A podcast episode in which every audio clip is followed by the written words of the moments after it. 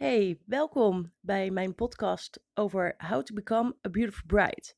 Een podcast waarin ik je veel tips, informatie en inspiratie zal geven over hoe jij eh, als bruid de mooiste versie eh, van jezelf zal worden op je bruiloft.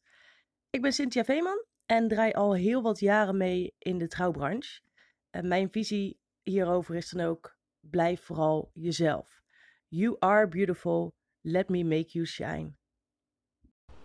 Nu kan ik jullie alles vertellen over elk aspect van trouwen. Maar het is zoveel leuker om de echte professional aan het woord te laten. Dus in deze aflevering heb ik een superleuk gesprek met Maddy. Maddy is zelfstandig trouwambtenaar. Haar bedrijf heet Trouwen in Balans. En zij verzorgt uh, de ceremonie. Dus eigenlijk best wel een heel belangrijk punt van uh, ja, het huwelijk. Het daadwerkelijk in het huwelijk treden. En we hebben het over het verschil tussen een uh, ambtenaar die je vanuit de gemeente kan kiezen. Of de zelfstandig trouwambtenaar zoals zij zelf is. Die je um, ook kan inhuren om de ceremonie te voltrekken. Daarnaast geven we natuurlijk nog een heleboel leuke tips en weetjes uit onze eigen ervaringen. Dus zeker weer het luisteren waard. Uh, mochten er vragen zijn, dan hoor ik dat natuurlijk heel erg graag. Uh, mocht je iemand kennen die uh, deze podcast ook zeker moet luisteren, deel het dan, like het en druk zeker op het belletje als je op de hoogte wil blijven en als eerste wil weten wanneer er een nieuwe aflevering online staat. Voor nu heel veel luisterplezier met Maddy van Trouwen in Balans. Zo, dus daar zitten we dan met een echte trouwambtenaar. Uh, zoals ik ze ken, zeg maar als soort van uh, babs. Dat noemen we dan zeg maar in, in de vaktermen babs. Toch? Dat, ja, dat, klopt. Dat, klopt. Ja. Uh, dus ik zou zeggen, laten we beginnen met jezelf voor te stellen.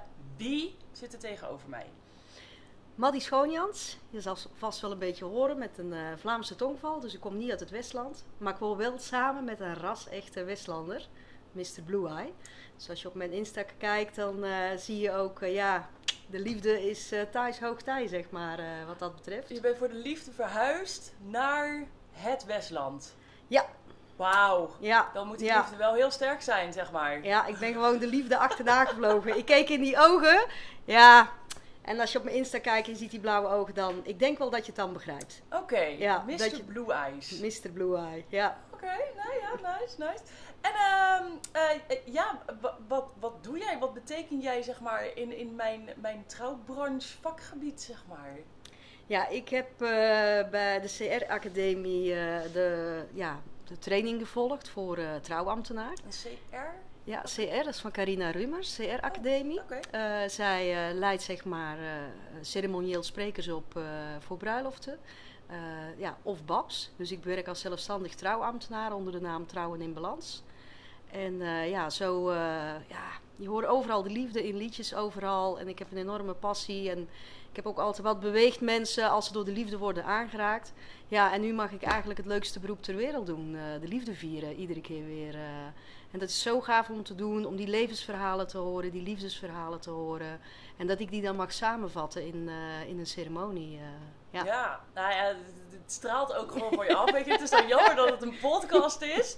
Maar je hoort ook wel in, in, je stem dat je inderdaad zoiets hebt van... Nou, dat is echt wel zeg maar iets uh, waar je passie uithaalt. Maar eh, is dat dan ook iets waar je zeg maar dan als klein meisje van droomde? Dat je zeg maar in, in het vriendenboekje schreef van ik ben vijf jaar, ik word uh, ceremonieel spreker? of uh, is dat wat later gekomen?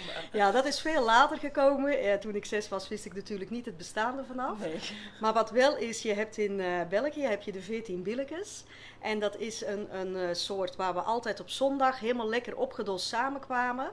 En uh, ja, dan zag ik die verliefde blik van uh, mijn vader uh, met zijn partner. En ja, ik was natuurlijk heel klein, was ik helemaal opgedost. Dan had je die, die ruimte met in midden een prachtige parketvloer. de mensen die natuurlijk stijldansen, die herkennen dat wel, wat zo spiegelglad is, weet je wel, waar je zo overheen glijdt. En eh, ja, daar is eigenlijk uh, de passie ontstaan. Want daar voelde ik mij het prinsesje. Wat natuurlijk heerlijk kon dansen, zeg maar. En daar heb ik gewoon leren dansen. Ja, tussen vreugde en verdriet wat ik daar zag. Daar kwam dan alles, zeg maar, eigenlijk samen. Dus je kan ook dansen, zeg maar. Je bent ook, ben je klassiek opgevoed in het, zeg maar, het steldansen dan ook? Of dat um, nou, meer het vrije dansen. Maar ik, uh, ja, als je kijkt, in België was het natuurlijk een soort familiebijeenkomst. Dus we gingen dan eigenlijk brunchen met z'n allen. En dan zag je aan van die hele mooie lange tafels. Dat om de dansvloer was. En daar kon je dan, uh, daar zat oma, opa. Uh, dus wij gingen niet zoals je hier ziet op zondag het bakkie doen in een kringetje. Nee. Maar wij gingen dat doen op zondag met de oh. familie. En er zaten dan meerdere, meerdere families. ja, in de Belgische campen zit dat. Oké. ja. God, we, ik heb, we, zijn, we zijn drie minuten bezig. Ik heb nu al zoveel geleerd. Misschien niet helemaal gerelateerd, maar wel echt superleuk dat, dat je daar zo dan een verschil in ziet. Want was je dan in België ook uh, trouwambtenaar? Nee, nee. Okay, dat, uh, is ben pas ik, zeg maar hier gekomen. Ja, dat is pas veel later hier gekomen. Oké, okay. uh, inderdaad. Wat, wat, is dan zeg maar je, je roots? Wat, wat, in, in, welk beroep zat je vast dan? Dat je zeg maar dit... Ja, ik zat gewoon helemaal vast als office manager, opgesloten op een kantoor. En daar werd ik eigenlijk een beetje ongelukkig van. En ja. zo ben ik ook de bedrijfsvoering ingegaan. Ik heb ook 30 jaar teams begeleid. En, en ik dacht, ja, dit, dit, hier word ik niet blij van. En ik zag toen op uh, Facebook natuurlijk van uh, om wat anders te doen, om je passie te zoeken. Ja, en de liefde, het is iets wat mij constant bezighoudt. Uh, dus ik dacht, ja, dat ga ik doen. En het is zo gaaf om te doen. En je maakt, ja, de meest hilarische dingen maak je ja. ook mee. om al die verhalen te horen. Ook als je dan bij mensen thuis komt. Um, ja, je kent iemand niet en eigenlijk zit je twee, drie uur met iemand en je weet ineens heel hun leven. Ze, ze nemen je helemaal in vertrouwen, ze vertellen alles. Ja, dat is gewoon heel leuk. En dan ga je natuurlijk ook nog met de vrienden praten of met hun opa en oma en met de getuigen. En, en ja, er komen altijd hele prachtige verhalen naar boven. En dan, uh, ja, dan heb je natuurlijk ongeveer 10 tot 12 uur, wat je natuurlijk allemaal hebt opgenomen, wat je dan moet gaan samenvatten. Ja, in, in drie kwartier of in een uur om voor een ceremonie te doen. En uh, ja, dat is natuurlijk vaak ook het verschil een beetje tussen een zelfstandig trouwambtenaar en een trouwambtenaar van de gemeente. Ja, wilde ik inderdaad net vragen. Van, je hebt inderdaad uh, mensen die dan uh, ja, gewoon via de gemeente een ambtenaar ja, inhuren. Klopt. Ehm, jij bent dan zelfstandig of sta je ook ingeschreven dan bij, bij een bepaalde gemeente? Nee, ik ben uh... landelijk actief. Zowel ja, in binnen- als buitenland in principe kan dat. Wat je, ja, wat je ziet bij een zelfstandig uh, trouwambtenaar heb je natuurlijk veel meer de ruimte hoe je het zelf kan kiezen. En wat je bij de gemeente ziet is dat zij ongeveer, ja, ze hebben maar vier of vijf, zes uur om eigenlijk alles voor te bereiden. Dat is eigenlijk best wel weinig. Als je kijkt bij zelfstandig trouwambtenaren, zitten gemiddeld tussen de 15 à 20 uur. Want je neemt interview af met het bruidspaar zelf, uh, interviews natuurlijk met getuigen, interviews met familie en vrienden.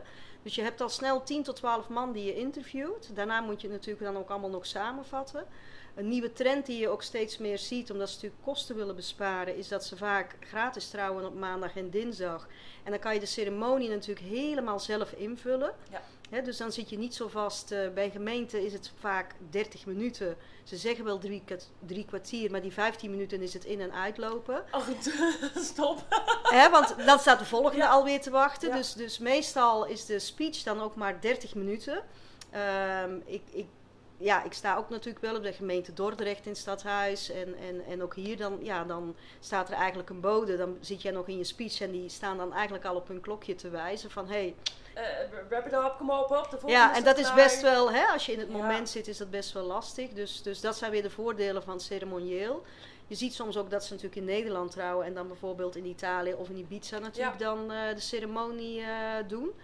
Uh, in principe, de mensen merken daar in principe niets van, want uh, we nemen dan ook uh, de akte zeg maar, op die manier mee.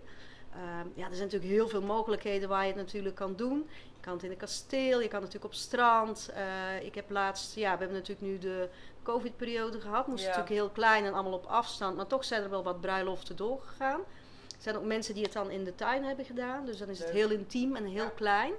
Uh, ja, dat is natuurlijk ook heel mooi om, uh, om te doen. Uh, dus ja, er zijn zoveel plekken waar je het kan doen. zijn dan ook wel ruimer, zeg maar. Als je, ja, als, je als een zelfstandige trouwambtenaar in zou huren, dan ben je wat minder gebonden aan bepaalde locaties of dergelijke? Of Ja, het is ook nog eens per gemeente vaak verschillend. Dat maakt het voor ons ook lastig als zelfstandig trouwambtenaar. Hè. Dus als iemand bijvoorbeeld, ik heb nu in Leeuwarden in september iemand en in augustus iemand in Zoetermeer. En ja, wat dan ook verschillend is, is ja, bij de een moet een document drie maanden oud zijn, bij de ander mag het een jaar zijn. Dat is natuurlijk verschillend.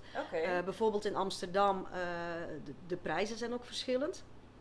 Dus in Amsterdam is het weer veel duurder als je op vrijdag of zaterdag trouwt dan bijvoorbeeld misschien hier in het Westland. Eh, ja. Dus daar zitten natuurlijk allemaal eh, verschillen in eh, qua prijs. Dus, dus ja, dat zijn ook allemaal dingen waar je over na moet denken dan, zeg maar. En ja. hou je dan zelf die regeltjes allemaal bij, zeg maar, per gemeente? Dat als je dan, zeg maar, dat zelf Nee, in principe doen de bruidsparen dat zelf. oh, vooral omdat zij ook zelf moeten aangeven wat zij willen. Of zij een trouwambtenaar willen van de gemeente of een zelfstandig trouwambtenaar. En dat is gewoon een, een, een hokje op een formulier. Ja, je moet je een heel formulier moet je invullen. En, en daar kan je dat dan zelf aangeven wat je, ja, wat je eigenlijk wil, zeg maar. eh, welke keuze je wil maken als trouwambtenaar. Precies. Ja. En, en jij bent dan zeg maar echt officieel beëdigd. Want wat ik ook wel eens hoor, is dat ze dan zeg maar voor één dag een eh, familielid eh, laten beëdigen als zijnde die het huwelijk mag voltrekken.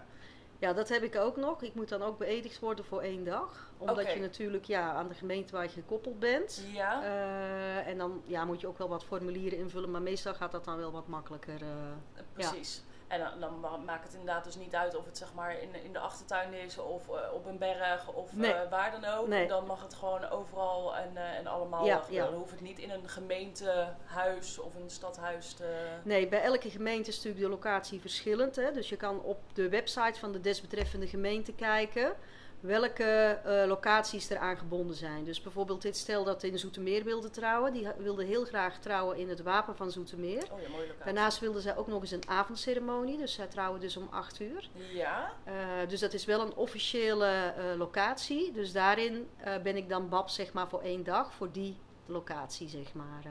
En Ja. maakt de tijd dan uit dat je het zeg maar zo erbij zegt? Nee, dat maakt niet uit. Dan kan je zelf kiezen. 24 uur kun je, Je kan gewoon, zelf- zeg maar... eh, ja, zelf kiezen. Het is niet dat je zoiets hebt van, joh, je moet in de ochtend trouwen. Nee, je moet het altijd afstemmen natuurlijk met de gemeente of het Ja. kan. En, en, en ja, zij, zij plannen dat dan zeg maar in voor je. Dat, Ja. dat, dat zou de, de planning voor meerdere bruiloften momenteel misschien ook wel wat relaxter kunnen maken. Dat, dat Ja, zoiets hebben Ja, dat ze eh, meerdere lo- locaties hebben inderdaad. Eh, het is voor degene, dat zijn dan vaak de bodes die dat dan natuurlijk regelen. Op de gemeente is het natuurlijk wel een heel gepuzzel om dat natuurlijk allemaal eh, geregeld te krijgen. Eh, want als trouwambtenaar mag je ook niet het document twee, drie dagen van tevoren ophalen. Je moet het dan echt in het moment ophalen. Eh, dat is natuurlijk ook om fraude natuurlijk te voorkomen. Dus eh, het het document, hè, je moet ook een eet afleggen dat je dat natuurlijk allemaal netjes terugbrengt, zeg maar. eh, Oh, dat soort dat, dingen. dat klinkt opeens wel heel erg Dat heel officieel. officieel. Ja, ja, ja. Ja, van, het is natuurlijk een wettelijk huwelijk. Dus, eh, Ja. ja. dus, je, dus de zelfstandig trouwen gaat dan bij de gemeente een document ophalen. En bij een avondceremonie, ja, vaak op vrijdag. Dan ga- moet je zorgen dat je maandag om 9 uur al gelijk. Want zolang het nog niet ingeschreven is, ben je natuurlijk nog niet getrouwd. En, eh, dus dat zijn wel even van die regeltjes. In principe een bruidspaar merkt daar niets van. Nee. Het speelt zich allemaal af achter de schermen. En dat is natuurlijk met heel veel hè, dingetjes ook. Dat ze zeggen, oh, voor dat uurtje praten zoveel geld, weet je wel. Maar ja, ik zeg, het is echt een investering in jullie herinnering. Ja, Eh, dus het is een keuze van, ja, wat wil je doen? Hè? Vaak zie je dat alles al bijna geregeld is. Behalve dat ze ja, naar de trouwambtenaar van, oh, pak die maar, weet je wel. Eh, Ja. Dus dat daar eigenlijk heel weinig naar gekeken wordt van, eh, wat Nee, wil ik nu precies? Er gebeurt eigenlijk veel meer in, in, in je vak als eh, spreker. Dan zeg maar inderdaad dat uurtje dat je de ceremonie aflegt. Dat je een mooi liefdesverhaal vertelt. Ja, op een gegeven moment overgaat of het officiële gedeelte. Zo van nou dan gaan we nu even kussen en, en dat soort dergelijke Ja. dingen. Daar voorafgaand zit dan dus inderdaad net wat je zei. 12 tot 15 uur alleen al wat je bezig bent met ehm, dat liefdesverhaal op te bouwen Ja. en te binden. ja, om dat vorm te geven. Ja. En dan krijg je nog die ehm, officiële zeg maar, dingetjes, dus wat documentjes, het zakelijke gedeelte wa- wat je dan Hm. ook regelt. Dus dat is ook wel eh, goed voor mensen om te weten dat, dat ja, het is misschien een eh, iets groter bedrag dan een ambtenaar die je vanuit de gemeente haalt. Maar daarvoor terug krijg je dus inderdaad echt wel iets heel erg unieks en persoonlijks. Nou ben ik zelf nog wel een, eh een controlfreak af en toe. Ehm, dus dan ehm, stel ik voor, eh, jij komt bij ons thuis, wij gaan trouwen. En jij gaat naar ons verhaal luisteren. Ehm, en dan maak je daar een mooi eh, story van. Krijg ik dat dan ook te lezen voordat het gaat beginnen? Nee, dat doe ik nooit. Maar dan weet ik toen niet, zeg maar, wa- wat je gaat zeggen, zeg maar. Ja, dat... ja, dit zijn altijd even die momentjes dat die ander zegt... Ja, maar ik wil het zo graag weten. Ja? Ook Eh, niet de enige. Je bent niet de enige Oh, die dat heeft. Nee, nee, elk bruidspaar vraagt dat eigenlijk. En ik zeg altijd van tevoren, ik doe het niet. En de reden is eigenlijk van, als je het van tevoren weet... Het is natuurlijk een emotioneel moment. Ja. En ehm, ik heb met jouw vrienden en je opa en oma en zo gesproken. En die hebben leuke anekdotes verteld. Als jij die al van tevoren weet. En er staat een videograaf en een fotograaf om je heen. En jij wil het moment eh, vastleggen. Is dat weg. De magie is weg. Ja, oké, ja. Dus op het moment, eh, we, we kennen allemaal de traan natuurlijk van Maxima. Die is natuurlijk zo mooi door die muziek, maar ook door wat erachter ligt. Dus we hoeven daar eigenlijk niets over te vertellen. Maar dat is soms ook dat ik natuurlijk een kleine anekdote vertel van soms dat er ook een dierbare niet meer is, eh, dat, dat dat in één zinnetje gezegd wordt. Op het moment dat dat natuurlijk vast wordt gelegd, is, dan weet je dat. Maar als je dat van tevoren doet, dan is die emotie al weg. Ja. En dat is de reden dat ik het eigenlijk niet doe. Het gekke is wel, andersom, wat ik wel vraag, eh, als ze natuurlijk hun vows, hun beloften aan elkaar, die wil ik graag wel van tevoren. En dat geeft, Toch! ja, en dat geeft inderdaad wel eens van, ja, maar als jij niet oversteekt, moet ik ook oversteken. Ja, dat! Maar ja, ook daar heb ik weer een reden voor. Oh, eh. Oké. Ja, sorry, het is wat het is. Ehm, ja, wat je vaak ziet, ehm, eh, dat je dan zegt van, nou, hè, laten we de, de schrijven voor elkaar. Dan zie je de een heeft drie pagina's en de ander heeft drie regels. Ja. En dat is ook een beetje dat ik dan een beetje, een klein beetje kan sturen van misschien ietsjes inkorten. Hè? Dus ik vertel natuurlijk verder niets. En daarnaast ook, ik moet als spreker door om te praten. Het is vaak ook natuurlijk ook weer zo'n, hè, zo'n, zo'n eh, ja, ik noem het altijd maar tranen van vreugde als dat gebeurt. Want je, je, ja, je, je- wat persoonlijk van jouw hart is naar je partner toe, dat deel je dan openbaar. Ja. En ik vind het dan prettig om dat van tevoren gelezen te hebben, want ik moet daarna nog doorpraten. Oh, anders dan sta jij zeg maar gewoon keihard te huilen. Ja, ik ben ook zo'n HSP-kind, dus ik huil net zo hard mee, zeg maar. Dus dat is gewoon niet handig. De eh. trouwambtenaar heeft even een momentje nodig. Precies, dus jij mag jezelf wel indekken. Onder het mom van het gaat niet om jouw emoties. het gaat maar- niet om mij, de Nee. focus ligt natuurlijk bij eh, de bruid en de bruidegom. Ja. Eh, dat is ook het mooie van mijn vak, want ik eh, ben eigenlijk best wel een heel introvert persoon, zeg maar. Ik, dat, dat verwacht je dan niet. Nee. Maar dat komt ook, het mooie van dit vak is, de focus ligt niet op mij. Ik babbel wel, maar ze kijken allemaal naar dat bruidspaar. En dat is zo fantastisch om als ceremonieel spreker er eigenlijk te staan. Dus je, je, je zet wel iets heel moois neer, maar de focus ligt natuurlijk op die twee mensen. En dat- ja, dat is gewoon ontzettend leuk eh, Ja, om precies, te dus doen. je staat wel op, op het podium, maar achter de schermen. Ja, Ja, ja, Dat is wel ja, dus dat is een heel andere beleving ja, dan dat je natuurlijk als zangeres staat, want dan kijkt iedereen echt naar jou.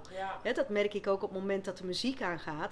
De focus is dan zeg maar niet naar mij toe. eh, dus dat is wel het hele mooie van, Nou van ja, dit vak. Dat klopt inderdaad. Ik, ik ben dan zeg maar ja, bevoorrecht om ontiegelijk veel huwelijken te hebben meegemaakt. Eh, en ik probeer dan ook altijd mijn focus te leggen op het bruidspaar. Zeg maar eh, wat er gebeurt als de een komt aanlopen. En als de, de trouwambtenaar dan aan het spreken is, dan probeer ik inderdaad mijn focus te leggen op eh, vrienden of familie wat daar zit. Om juist ook te zien hoe hun dat beleven. Ja. Weet je? Het is leuk dat je bent. En je bent ook best leuk om naar te kijken. Maar eh, op zich vind ik de reacties inderdaad van, van het bruidspaar dan leuker. Eh, vooral als er dan een anekdote van mij eh, even wordt, eh, wordt ingegooid. Hou je daar wel oh, een beetje rekening mee met, met bepaalde anekdotes? Weet je, we kunnen nog wel eens wat, wat oude koeien uit de sloot trekken. gemene grapjes of zo. Filter je daar dan een beetje doorheen? Hoe, hoe verwerk stem- je dat? Ja, ik stem het altijd met het bruidspaar af wat hun wens is. Ehm, dus ook al hebben vrienden gekke dingen, het is altijd wat het bruidspaar wil. Dus als ik, ik, in het interview vraag ik daarna van, joh, mag er een grapje zijn? Wat zijn de grenzen? Wat zijn je wensen? Dus we hebben gewoon ongeveer twaalf stappen die we zeg maar compleet doornemen. Oh.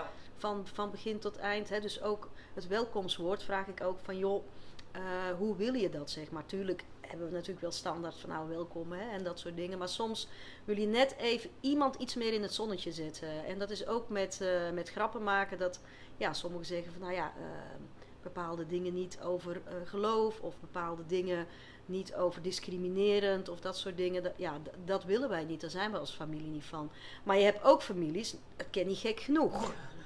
Hè, dus het is heel persoonlijk. En, en dat is vooral wat het bruidspaar aangeeft van joh, wat is voor jullie de grens in een grap? Ja.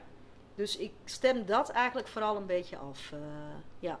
En zelf ga ik ook niet de kant op wat cabaretiers doen. Dan, dan moet je een cabaretier inhuren. Precies. Want die doen dat ook en dat is hun vak. ja, Dus dan moet ik zeggen, ja, dan ben ik niet de trouwambtenaar waar jij natuurlijk voor gaat. Maar er is altijd een klein stukje humor eh, wat er natuurlijk in komt. Maar niet zoals een cabaretier dat kan. nee. Dus eh, Wil je daar inderdaad iets meer over eh, ja, vertellen, benadrukken van wat voor een, eh, bruidsparen jij aantrekt, zeg maar? Inderdaad, je, bent zelf dan een beetje introvert, het hoeft allemaal niet eh, onwijs gek. Ehm, maar heb je een soort van, van rode draad door je, door je klanten heen, dat je zoiets hebt van nou, dat soort bruidsparen? Of heb je echt van alles nog wat? Ik heb eigenlijk van alles door elkaar.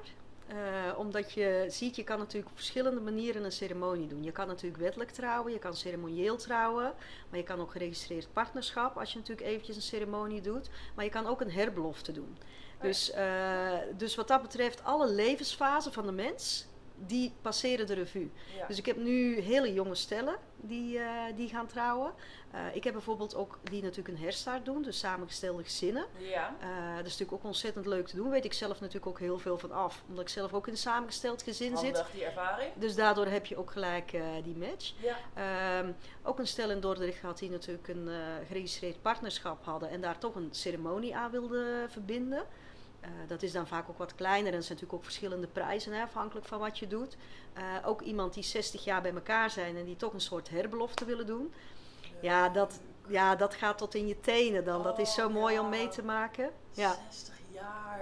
Ja, 60 jaar bij dat is elkaar. eh. Echt bizar Ja. gewoon. Dus het is heel verschillend. Maar Ja. ja. als je zegt de rode draad, zijn vaak wel jonge stellen en samengestelde gezinnen. Dat zijn wel de twee meeste die mijn pad eh, kruisen. Kruisen. Ja, maar je ziet ook het ceremonieel trouwen steeds meer, zeg maar. Dus dat mensen wel gaan samenwonen en dan wel een soort willen trouwen, maar dan niet wettelijk, zeg maar. Dat zie je, is ook wel een nieuwe tendens eh, Oh, die je ziet. Ja, Ja, dus Ja. Het, het, het zakelijke gaat er dan zeg maar soort van van af. Ja omdat heel veel stellen wonen al heel lang samen. Ja, En die hebben eigenlijk alles al notarieel geregeld. juist. Ja. Maar ja, die hebben dan toch zoiets van, ja, we willen eigenlijk toch trouwen. En die doen het dan ook vaak ceremonieel. Ja, Ehm, sommigen hebben natuurlijk ook, ja, wat ik net eigenlijk ook al zei, die het dan op het wettelijke gedeelte op een ander eh, moment eh, doen. En dan heb je natuurlijk ook een ceremonieel huwelijk. Dus dat is wel een trend die je steeds meer ziet, omdat ze het veel vrijer willen kunnen invullen. Dat is echt wel een behoefte die, ja, die ik gewoon zie groeien, het, zeg het maar, is bij heel stellen. erg persoonlijk en uniek aan het worden. Eigenlijk zeg maar, Ja, Steeds meer. was het al, maar het wordt echt steeds meer dat mensen zoiets hebben van eh, zo Ja. gaan wij het doen en zo willen wij het doen. En dat is dan ook wel fijn als je dan inderdaad ja, buiten de gemeente staat, om het zo eens te hebben, dat je daar flexibeler mee om kan gaan. eh, dan dat je inderdaad naar de gemeente gaat en zegt van joh, eh, doe mij een ambtenaar. En, En niet zijn nadelen, hè, want ik ben super blij met hun ook, want zij doen hun werk natuurlijk ook goed. Tuurlijk. Hè, dus, maar het is gewoon de behoefte van eh, de stellen veranderd. En daardoor komt het eigenlijk. Ja. En vaak, ja, als je het op een ander moment doet, bijvoorbeeld het ja-woord ligt ook heel vast. Hè, dus het zijn heel wettelijk, ja, een wettelijk zinnetje wat je eigenlijk ja, opzegt. dat, dat, is altijd. die teksten die je hoort, ik zit er van ja, dit ken ik wel. Ja, hè, die, die blijft natuurlijk steeds terugkomen. En dat is soms ook, als je natuurlijk ceremonieel trouwt, kan je natuurlijk het ja-woord een beetje op een andere manier aanpassen, zeg maar. Eh, hè, dus liefdevol. En dan heb je niet hè, dat je dan man, vrouw en, en, en dat soort dingen. Dus je kan dat dan, ja, wat het bruidspaar zelf wilt. En dat is een tendens die je natuurlijk ziet, eh, Ja. ziet op dit moment. Ja, eh. want je hebt inderdaad dan samengestelde gezinnen, maar je hebt ook samengestelde koppels, weet je. Het, Ja. het is niet zeg maar man-vrouw, maar je hebt ook Nee. vrouw-vrouw, man-man. Ja. En dat, dat ehm, maakt qua bewoording natuurlijk soms ook nog wel eens dat de vaste regels dan anders zijn. Ja. Vaste teksten dan is het wel fijn dat je daar zeg maar af en toe een beetje wat Ja. beter Nou is dat wettelijk ook al wel, wel wat aangepast. eh, ja, Tuurlijk. dat, dat kan niet anders. Het Dat, leek, hè? Het is echt, natuurlijk is dat allemaal aangepast. Mijn god, ja, ja.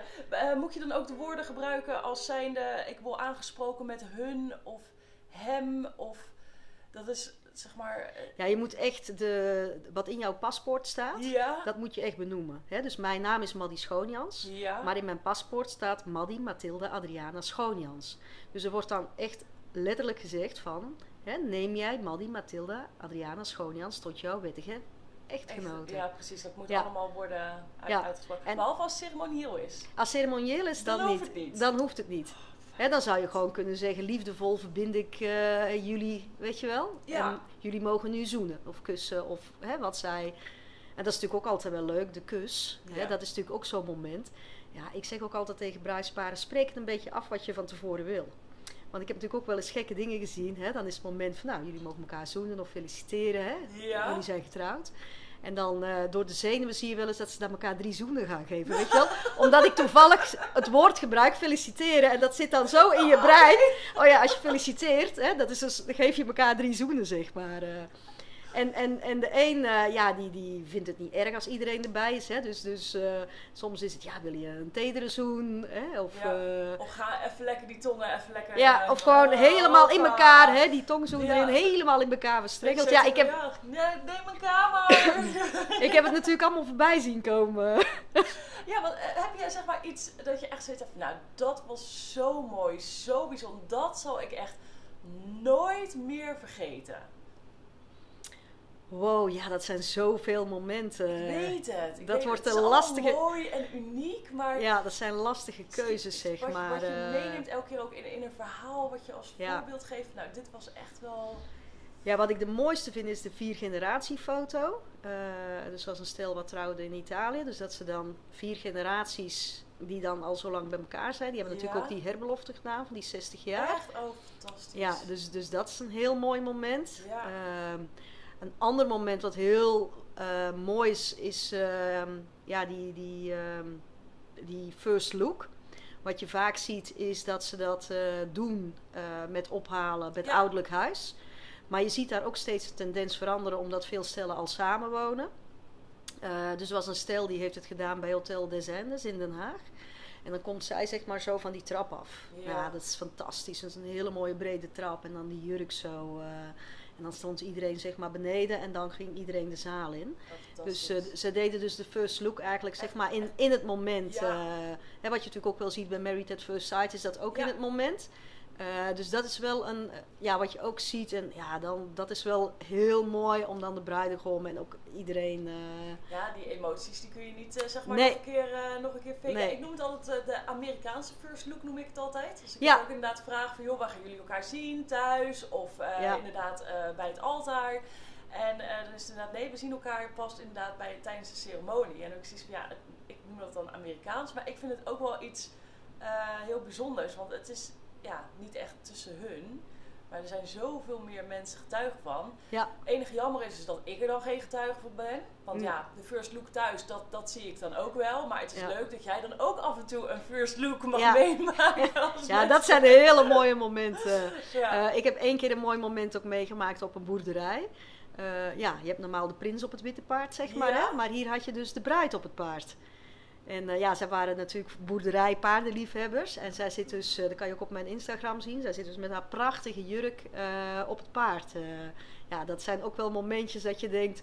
Wow, wat Wow. komt zo'n beest eventjes... hè? Dat is echt imponerend. Tuurlijk was dat wel allemaal wat verder weg. Ja, ja, ja, maar toch. Hè? Maar ja, je staat daar en je denkt, wauw, dit, dit is ook wel heel mooi. En je ziet natuurlijk ook steeds meer, ja, hè, dus dat ze ook andere dieren gebruiken. Eh, om natuurlijk de ringen te brengen. En Ja. dat vind ik altijd wel een beetje spannend, want het blijven natuurlijk toch dieren, zeg maar. ja, eh. ja, ik, ik heb dus ook je wel horrorverhalen meegemaakt. Heb, heb jij ook wel eens wat raars daarin meegemaakt? Gelukkig nog niet. Gelukkig nog niet. Eh, ik geef altijd dat advies als ik dat hoor dat ze dat willen doen bij de ceremonie. Zeg ik altijd: zorg dat er echt iemand is die voor je hond of wat je dan ook wil Ja. doen zorgt. Dat er water is, snoepjes zijn en in het moment dat dan. dus ik heb, ik heb gelukkig dat soort vervelende dingen nog niet meegemaakt. zeg maar. Nee, ik heb echt verhalen dat gewoon vogels aankwamen vliegen. En vervolgens een bocht maakten. En ergens hoog in een toren gingen zitten. En echt zoiets hadden van, ik weet niet wat jij met die ringen wil doen. Maar eh, ik Ja. zit hier prima. Honden die de verkeerde kant op lopen en zo. Of Ja. inderdaad gewoon midden eerst even gaan zitten plassen. Omdat ze zoiets hebben van, nou ik kan de druk niet meer aan. Weet je. Ja, Het zijn echt wel dat je zoiets hebt van eh, leuke momenten. Nou, dan zou je denken van nou, dan nemen we geen eh, huisdieren, dan houden we het veilig, dan gebruiken we kinderen. Maar dat werkt natuurlijk ook niet altijd even soepeltjes. eh, ja dat, dat is vaak ook. Had nu bij dit bruidspaar ook wat de avondceremonie wilde doen. Ik zei, en die hadden zoiets van, oh leuk, mijn neefje en mijn nichtje. En ik zei ook, ik zeg, ja, maar het is acht uur. Dat is het momentje dat kinderen van die leeftijd heel hangerig worden, moe zijn. Toen hadden we zoiets, oh, oh. Dus ze hebben nog eventjes met broer en zus erover gehad. En die zeiden ook, ja, Oh, dat ja. risico is wel heel erg groot. Dus los van elkaar werd dat eigenlijk een beetje bevestigd. eh. Ja. Dus we hebben nu gewoon dat je dan afspreekt, we doen meerdere scenario's. Ja, dus het kan zijn als de kinderen goed geslapen hebben en ze hebben natuurlijk een middagdutje gedaan, dat ze dan om acht uur weer helemaal rise and shine zijn en dat dolgraag willen doen. Ja, Dus dan heb je altijd dat je meerdere scenario's naast elkaar doet. eh. handig. Dus Dus heel oplossingsgericht denk je gelijk. Zo Ja. Oké, we hebben plan A, we hebben plan B, we hebben plan C. ja, Hoe dan ook, die ringen die komen er wel. die eh, komen er inderdaad. Ja. ja, en soms moet je ook gewoon in het moment improviseren als er iets gebeurt. eh, hè, dan maak je er een soort grapje van. Of je gaat gewoon een ander verhaal vertellen om de mensen even af te leiden, ergens anders naartoe. En, en je kijkt even naar een, eh, zo'n wedding planner, hebben nog een ceremoniemeester eh, van eh, ga jij dit even fixen, ik praat wel even door. Kijk, Of ja, ja, heel ja wat ik altijd heel mooi vind is als ze live muziek hebben. Dat, is, dat is, vind ik, ja, het kost soms wel even wat, maar het, is, het maakt het zo persoonlijk als je live muziek hebt. En ook als er iets gebeurt, zij kunnen altijd in het moment mee. eh, dus, dus dat is wel met, met live muziek, Dan kun vind je ik... daar makkelijk op afstemmen. Ja, want dan kan je en, zeggen, hé, hey, we gaan even naar de muziek, weet je wel. Of een nummer van hun. En dan kan ik daar nog even iets over vertellen. Dus, dus dat, ja, dat adviseer ik ook altijd wel om, eh, om te doen, zeg maar. Dat is eigenlijk wel handig. Heb je, heb je wel eens een keer zoiets meegemaakt dat je inderdaad even de, de tijd moest volpraten? Of eh, dat er wat gebeurde dat je zoiets had van nou, eh, laten we inderdaad even een liedje inzetten, want we moeten even wachten? Of, Ja, ik ga altijd een uurtje van tevoren ook naar de plek toe. Zodat ik in elk geval even de bruid en de bruidegom heb gezien. Dat ik in elk geval weet hoe is het eh, met hun. Nou, maar in dat uur kan er natuurlijk ook nog wel wat gebeuren. Dan sta ik vaak met de bruidegom te wachten. En dan komt de bruid maar niet. En dat zijn dan wel even momentjes dat je denkt, oh, hoe gaan we dit oplossen, zeg maar. En dan is natuurlijk muziek heel mooi. Of ik eh, doe even een gesprek met eh, opa en oma die er zitten. Dus Oh, ik ga dan een beetje eh, de familieleden die ik gesproken heb, eh, die ik dan ken, die ga ik dan gewoon een beetje interviewen. Hè, met de vragen die ze dan eigenlijk al een beetje weten. Eh, en zo probeer ik dat dan een beetje op te lossen. Tot ik dan zo in de verte uit mijn ooghoek zie van, hé, hey, we er kunnen gaan. Wat en, En we kunnen door, zeg maar. En, en, en dan moet je ook wel even de, de partner wel een beetje, een beetje geruststellen. Zeker als het dan net even wat langer duurt. Dat je zegt nee, maar... Ja, je wil natuurlijk niet die filmscenario's van Runaway Bride. Dus je ziet dan ook wel die bruidegom van, oh, wat gebeurt er? En, ehm, ja. Ze zou toch wel komen? Ik heb het er net nog gezien. Toen ging het nog Ja, goed. ja. en je wil dan ook geen weddingplanner of ceremonie die constant heen en weer loopt om dat te vertellen. Juist. Hè? Ik ja. zeg ook altijd, als er iets is, probeer met bepaalde signalen iets eh, te doen. Maar niet dat je er helemaal... Want iedereen kijkt natuurlijk naar die voorkant en ziet niet wat erachter gebeurt. Nee. Dus het is altijd handig, weet je wel. Dus, eh, en dan ja, verzin ik gewoon een verhaal van eh, het schoentje past niet. Of en dan, weet je wel, dan doe ik zo'n soort verhaaltje erover vertellen. Precies, en dan hou jij dat allemaal de, de Ja. Dus in dat opzicht heb je eigenlijk echt wel een hele prominente, belangrijke rol ook wel als het gaat om het eh, ontspannen trouwen. Want Ja. dat is natuurlijk een beetje de doel achter mijn podcast, om bruiden zo te informeren. ehm, dat de weg ernaartoe wat ontspannender is, maar ook dat de dag zelf ontspannen kan lopen. Ja. En dan is het inderdaad wel handig als er dus inderdaad een professional aanwezig is in, in elk gebied van de dag. Want ja, jij bent dan een uur, twee uurtjes, zeg maar, soort Ja. van aanwezig op zo'n dag. Ja. Nou, als jij dan inderdaad dat soort dingen dan al kan, ehm, ja, oplossingsgericht kan ondersteunen. Dat geeft natuurlijk wel eh, de, de bruid moed. eh. ja, dat is heel fijn. En het, het leuke is natuurlijk, meestal ken ik ze ook al een heel jaar. Hè, dus we hebben dan ook een soort gezamenlijke app. En dan, dat gaat dan eigenlijk het hele jaar door dat je wel een beetje contact hebt. Wat leuk. Dus je, je, je kent ze ook zo persoonlijk dat het Ja. ook zo eigen voelt, zeg maar. eh. Want wanneer begin je dan in de, inderdaad? Want wat ik vaak hoor uit de gemeente is dat ze dan inderdaad zes weken van tevoren horen van nou dit wordt de trouwambtenaar die neemt contact met je op. Ja. Maar jij hebt het nu over een jaar. Ja, mijn werkwijze is natuurlijk heel anders, omdat je natuurlijk, ja, omdat ik snel volgeboekt sta, ben je natuurlijk een jaar verder, Ja. zeg maar. Dus wat ik meestal doe, is een vrijblijvend kennismakingsgesprek eh, online even, om gewoon te kijken van, joh, dit is mijn werkwijze, dit zijn de kosten, dit is de manier waarop ik de dingen, zeg Ja. maar, doe. En eh, ja, dan kom ik eigenlijk al vrij snel bij het bruidspaar thuis en dan neem ik eigenlijk alles door. En dan doen we eigenlijk zeg maar de bevestiging naar elkaar toe van oké, wij gaan met elkaar in zee. En dat ga ik dan ook schriftelijk bevestigen. En dan vraag ik aan hun de lijst van joh, wie zijn jullie getuigen en welke mensen eh, mag ik allemaal spreken. Juist. En ja, daar ga ik dan gewoon zeg maar mee aan de slag. Eh, en ik neem het dan eigenlijk ook allemaal op. Want ja, je hebt natuurlijk zoveel gesprekken. Ja. En het is dan handig dat je dan, ja, eh, daarvoor, voordat je nog een keer helemaal aan het eind ook de speech. Dus ik zie dan de bruidsparen inderdaad nog een keer zes weken, drie weken van tevoren en een week van tevoren. Oké. Dat, ik, dat kan altijd onderweg iets veranderen. Ja. Eh, hè, ik heb ook een keertje meegemaakt dat een van de getuigen in dat jaar, hè, dus dat was dan ook een opa die daar helaas niet meer bij was. Ja. Hè, dus dat is ook altijd wel een momentje als je natuurlijk, ja, het is natuurlijk een speciaal moment en je wil je familie en vrienden, maar soms zijn ook hè, die je dan mist op zo'n moment. Dus dat is dan ook iets dat je denkt van, hé, hey, hoe willen jullie dat, dat er toch aandacht aan gegeven wordt. Ja. Dat is ook heel verschillend. Sommigen willen dat eh, heel klein, dat ik gewoon in een zinnetje zegt, omdat je, je wil natuurlijk niet helemaal het verdriet eh, in. Nee.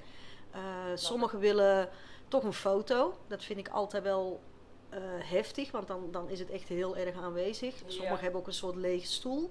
Ja, die ik ook inderdaad Ja, eens. Ja. ehm, dus die dingen vind ik vaak wel heel zwaar, zeg maar. Dat, dat kan dan soms een hele druk leggen op de ceremonie. Eh, maar ja, dat is natuurlijk een keuze van het bruidspaar. Als zij dat echt zo willen, dan, hè, dan, dan doen we dat op die manier. Eh, andere dingen die ik gezien heb, die ik heel mooi vind, is bijvoorbeeld een lievelingsbloem van iemand in het bruidsboeket. ja, oh mooi. Ja. Dat, eh, dat vond ik ook een heel mooi, mooi gebaar. Dus er zijn verschillende mogelijkheden. Ik heb ook een keertje meegemaakt dat de bruidegom. die hadden dan een mooie armband gemaakt. En de bruid wilde eigenlijk een armband met de as van haar vader. oh ja. En dat had hij dan gemaakt en dat gaf hij dan in het moment, zeg maar. eh. oh jezus Christus. Oh Ja, je voelt hem al, hè? mijn god. Dat is wel inderdaad even een momentje dat je zegt. Maar wel echt heel mooi. Ja, dat het dan inderdaad zo samenkomt. Want ja, liefde en verdriet ligt inderdaad gewoon in dat op zich heel dicht bij elkaar. Vooral Ja. als er mensen niet meer zijn. Ja, Dus en iedereen wel, ja. heeft wel zoiets meegemaakt. Ja. eh. Wat ik ook heel mooi vond, eh, dat is in, eh in eh Barn 43 in Raamsdonk. Is ook een, hè, daar is de partner zeg maar, van de locatie ook overleden. Maar daar hebben ze dus een soort hart zeg maar, buiten Ja. in de tuin. Wat ze ontzettend mooi hebben gedaan, waar je als bruidspaar dan ook doorheen kan lopen. En wat daar dan ook een keer gedaan is, dat ze dan allemaal kaarsen aansteken. Dus ze hadden ze een heel laag bankje, zeg maar, met heel veel kaarsen. En iedereen die kon dan zeg maar op dat moment een kaars eh, aansteken. Dus, eh, dus, dus dat was ook wel heel mooi om, eh, om te zien, zeg maar. Dat maakt het natuurlijk ook heel speciaal. Ja, Dat, ehm, En- dan, en, die blijven dan, en die blijven dan ook heel de tijd branden, zeg maar. Dus er is dan ook afgesproken dat dat ook gewoon aanblijft. Hè, omdat het natuurlijk op locatie is. Bij een gemeentehuis kan dat natuurlijk niet. Nee. Want dan staat er volgende. Dus dan kan je niet dat soort kleine attente dingen doen. eh. dus dan, dan moet je het natuurlijk op een andere manier oplossen. Maar dit zijn wel mooie dingen als je het natuurlijk op een locatie eh, kan doen. Zodat je het op die manier eh, kan doen. En sommigen willen er helemaal geen aandacht geven. Dus ja, en dan is vaak dat je gewoon heel even zegt in een zinnetje. Hè, de bloemen van de moeder van, hè, en dan de naam van de bruid zitten in het bruidsboeket. En op deze manier kijkt ze toch even mee. Of is ze erbij. Of in een vorm ja. van een gedicht. eh, hè, dus dat de mensen die er dichtbij staan weten waar het over gaat. Ja. eh. dus op die manier kan je ook je dierbaren in de ceremonie eh, meenemen. Ja, je maakt gewoon een compleet verhaal van. En, en inderdaad gewoon echt hoe je het zelf wil. Ja, het is Dat- dat echt heel persoonlijk en zo authentiek mogelijk. ja, daar streef ik eigenlijk altijd naar. Want het is het verhaal van, van hun. Het is, het is hun levensverhaal, hun liefdesverhaal. En, en, eh, en daar ga je dan voor, zeg maar. En daar haal je dan de elementen bij. Van af en toe een stukje humor, maar ook gewoon het dansen tussen vreugde en verdriet. En ja, dat vat je dan samen in hun moment. Ja, je wordt ook echt wel echt onderdeel van het bruidspaar op zo'n manier. Weet je, het is niet ik merk niet aan je dat het een, een lopende bandwerk is. je, Absoluut je niet. echt wel nee. al die verhalen uniek vast. En uh, je, je, bent eigenlijk ook een beetje een soort van, van, van therapeut, eigenlijk. Ja, dat is iets wat ik er... Ja, daar hebben we natuurlijk nog niet over gehad. Hè. Ik, ik, ik zei al, ik ben eh, geobsedeerd door, door de liefde. Dus aan de ene kant vier ik de liefde hè, als trouwambtenaar. Maar aan de andere kant onderhoud ik de liefde. Ja. Ik ben ook al vanaf 2007 relatiecoach. Oh, echt? Ja. Nou, perfect! Dus wat ik bruidsparen ook ja, eigenlijk altijd als een cadeautje meegeef, is dat ik ze na drie maanden geef ik ze een gratis sessie. Want ik vind het heel belangrijk om de liefde ook levend uh, te houden. Nou, dus, zeker. Uh, ik, ik, pleit er eigenlijk voor dat het in de, in de basis komt van de zorg. Ja. Van ja, je auto gaat naar de APK. Waarom zou je relatie ook niet even door een APK heen gaan? Ja, zeg maar? ja. ja. ja en daarin heb ik dus nu, um, ja, ik ben een tijdje tussenuit geweest hè, van, vanwege lichamelijke klachten. Een uh, verlamming gehad aan de rechterzijde. En ik ben nu weer bezig met een herstart. En, uh, maar die rustperiode heeft ook wat moois gebracht, is dat ik nu de Sentis-methode heb ontwikkeld. De wat? Sentis-methode. Uiteraard. Dat is een bepaalde methode om ja, weer uh, vuur in, uh, in de liefde te blazen, zeg maar. Oh. Dus als je daar meer over wil weten, Ja. 10, 10 april, dan uh, sta ik bij uh, Eva Brouwer, pak je podium. Oké. En dan ga ik natuurlijk ook ja, mijn verhaal vertellen tussen vreugde en verdriet. Ja. Ja, want Oh, naast dat neem ik natuurlijk ook veel levenservaring mee. Nou, eh, zeker. Ja. En ik, ik denk dat dat ook wel zorgt dat eh, bruidsparen zich snel op gemak bij je voelen. Je, rustig over, maar je hebt het ook allemaal wel al gezien en gehoord en gedaan en niks is te gek. En Klopt, ja. dat, dat is ook wel gewoon heel fijn om dat te hebben met eh, een, zelfstandig ambtenaar onder het mom van ja, weet je, ze doet dan de ceremonie, maar je kan er ook inderdaad alles aan kwijt. En dat is echt wel, eh, vind ik wel heel uniek eh, om te horen. Ik Ja. heb niet, ja, natuurlijk zijn er ook andere goede ambtenaren, maar ehm, in dat opzicht zo'n zo'n reis naartoe, tijdens de voorbereiding, dat je zo verbonden bent, eh, vind ik echt wel een toegevoegde waarde. Ja, ja. En dan kunnen ze een soort van ook nog eens op je terugvallen ook. Ja, het is. Ja, ik, hè, het is gewoon fijn dat je het doet in het moment, zeg maar. Ja. Eh, hè, dus wat je vaak ziet, is dat mensen dan eh, 10 of 15 jaar ineens zeggen: Ja, het- we hobbelen al vijf jaar zo. En dan denk ik: Oh, was gewoon even wat eerder bij me gekomen. Want je ziet natuurlijk dat prachtig vertrek van hè, dat je natuurlijk samen eh, een soort toekomstdroom ingaat. Maar als je natuurlijk verder ontwikkelt in je levenspad, gebeurt er natuurlijk ook alles, van alles. Oh, joh, hou op, schij uit. Hè, op het moment dat er natuurlijk kinderen komen, dan moet je je aandacht ineens over drie verdelen in plaats van twee of Ja. vier of vijf, al naar gelang hoe het gezin groeit. Eh, dus er gebeurt van alles onderweg. eh. Ja. en ik hoop op deze manier, hè, dat is natuurlijk voor mij toch altijd een droom die ik natuurlijk zelf ook had, hè, mijn eigen innerlijk verlangen om oud te worden met iemand. En als ik 80 was, oh, bij deze man ben ik al 60 jaar. Ja. Nou, het is mij helaas ook niet gelukt. Oh. Maar ja, daardoor heb ik wel zoiets. Ook al ben je in een samengesteld gezin, is het ook goed om een goede verstandhouding met je ex-partner te houden. Zeker en, als eh, het betreft eh, met, met kinderen. Ja, Ja. ja. dat is heel en, eh, belangrijk. ja, en dat zijn de dingen die ik dus nu binnenkort ook ga doen. Goh, veelzijdig zeg. Nou, dankjewel. Leuk, ja. nou ja, dan leer ik ook gelijk een hele andere kant van je, van je te kennen. Ehm, eh, stel nou, hè, mensen die eh, zijn inderdaad ehm, eh, een beetje aan het ja, twijfelen, een beetje zoekend van ja, ceremonie, ehm, eh, wie gaat het begeleiden? Gaan we inderdaad, zeg maar, gemeentelijk houden we het klein. Kun jij mm, drie tips delen waarvan je zoiets hebt van, nou joh, ehm, dit is echt wel gewoon een, een eh, als je deze drie tips volgt, dan kun je heel goed de juiste keuze maken. Tussen een zelfstandig ambtenaar of een gemeentelijk iemand. Zeg maar tussen jou of iemand anders. Wow, dat is een lastige vraag. Eh, ik heb hele goede verstandhouding met mijn collega de trouwambtenaren. Tuurlijk, En ja, die wil, ja. ik, die wil ik graag ook wel vasthouden. maar ja, waarom zou je kiezen voor, eh voor Maddy? Ik denk de warmte die ik breng, de zachtheid die ik breng en, ehm, en de diepgang die ik eh, meegeef, zeg maar. Dus mijn vakinhoudelijke kennis samen met mijn levenservaring dat geeft volgens mij toch wel dat gouden randje wat je wil.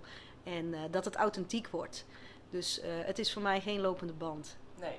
nee Jullie ja. zijn voor mij speciaal en daar ligt mijn focus. Ja, nou, dat is toch heerlijk. Ik zou geen andere reden, reden weten waarom we niet voor jou zouden kiezen, zeg maar. Het is toch heerlijk als zo iemand zoveel passie en overtuiging geeft in, in, een, in een liefdesverhaal.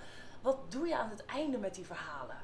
Want eh, eh, eh, typ je het uit, zeg maar, als je dan de ceremonie hebt. Eh, ehm, het wordt misschien opgenomen door een videograaf, maar tekstgewijs, ehm, mag ik dat dan wel hebben? Of, eh, Ja, dat is een soort kleine verrassing. oh, oh. Ehm, want als mensen een jaar getrouwd zijn, dan doe ik altijd iets leuks. oh. Ja, en daar zit ook wel een tintje van eh, dat bij. Dus dat is een klein tipje van de sluier die ik nou oplicht.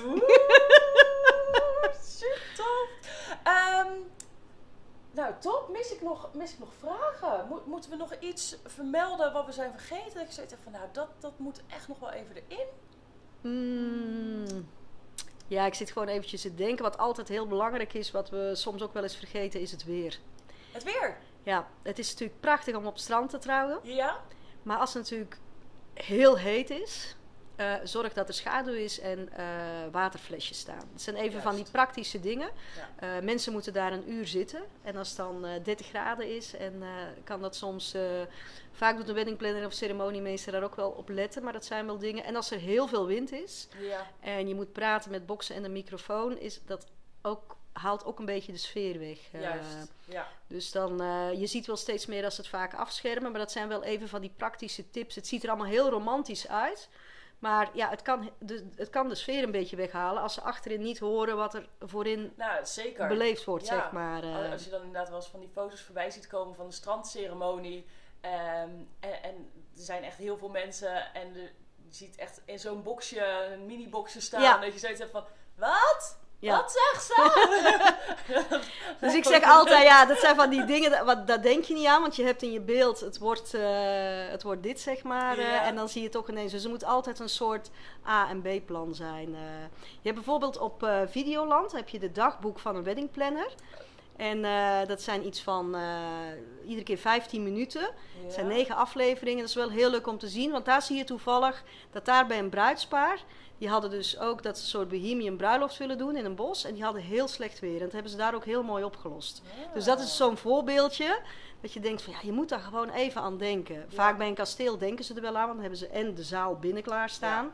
En buiten. Maar ja, dat, Ehm, maar het zijn zo van die dingetjes, denk daar gewoon aan. Dus ik adviseer vaak wel, als je het buiten wil doen, zorg dan wel dat je een soort tent hebt die dan open is aan de zijkant. Want dan Ja. kan het gewoon alle kanten uit. En dat zie je toevallig in, die, eh, in Videoland, bij het dagboek van een eh weddingplanner, kan je dat even zo voorbij zien komen. cool. Goeie tips. Ja, dat is heel leuk om, Ja. om, om te bekijken. daar daar Zij vertelt dat heel leuk. En het is ook iedere keer maar 10 minuten een kwartiertje.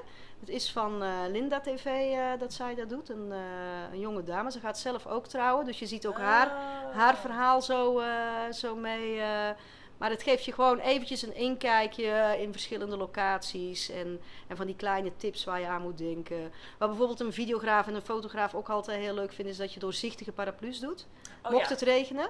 Want, eh, en ook ceremoniemeesters vinden dat fijn, want dan zie je in elk geval van hé, hey, waar is de getuige? Dan zie je dat, dan zie je dat door die paraplu's heen. eh. Ja, die met die donkerblauwe paraplu. eh, Oké. Eh, laat maar. En voor het effect van de foto en de videograaf is het ook leuk. Hè? Want stel dat ze een drone doen en je loopt allemaal met een doorzichtige paraplu, kunnen ze dat ook van bovenaf eh, filmen. Dus dat zijn zo van die kleine praktische tips. Ja. Die hebben niet zoveel met het vak te maken wat ik doe, maar... maar- meer wat mijn collega's. eh, Het, het is doen. uit ervaring juist heel waardevol om dat soort dingen gewoon eh, te weten. Ja, ja, dat dus top. dat, ja, dat zijn zo nog van die tips die je nog mee kan nemen. Nou, ik vond het een onwijs leuk gesprek. Heel waardevol.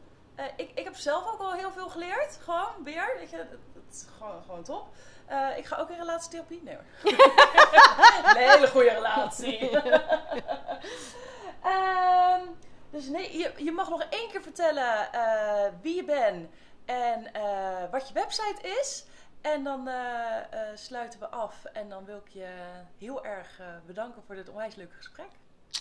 Ja, mijn naam is Maddie Schoonjans. Je kan mij vinden op www.trouweninbalans.nl en ik kijk er naar uit om de liefde te vieren met jullie.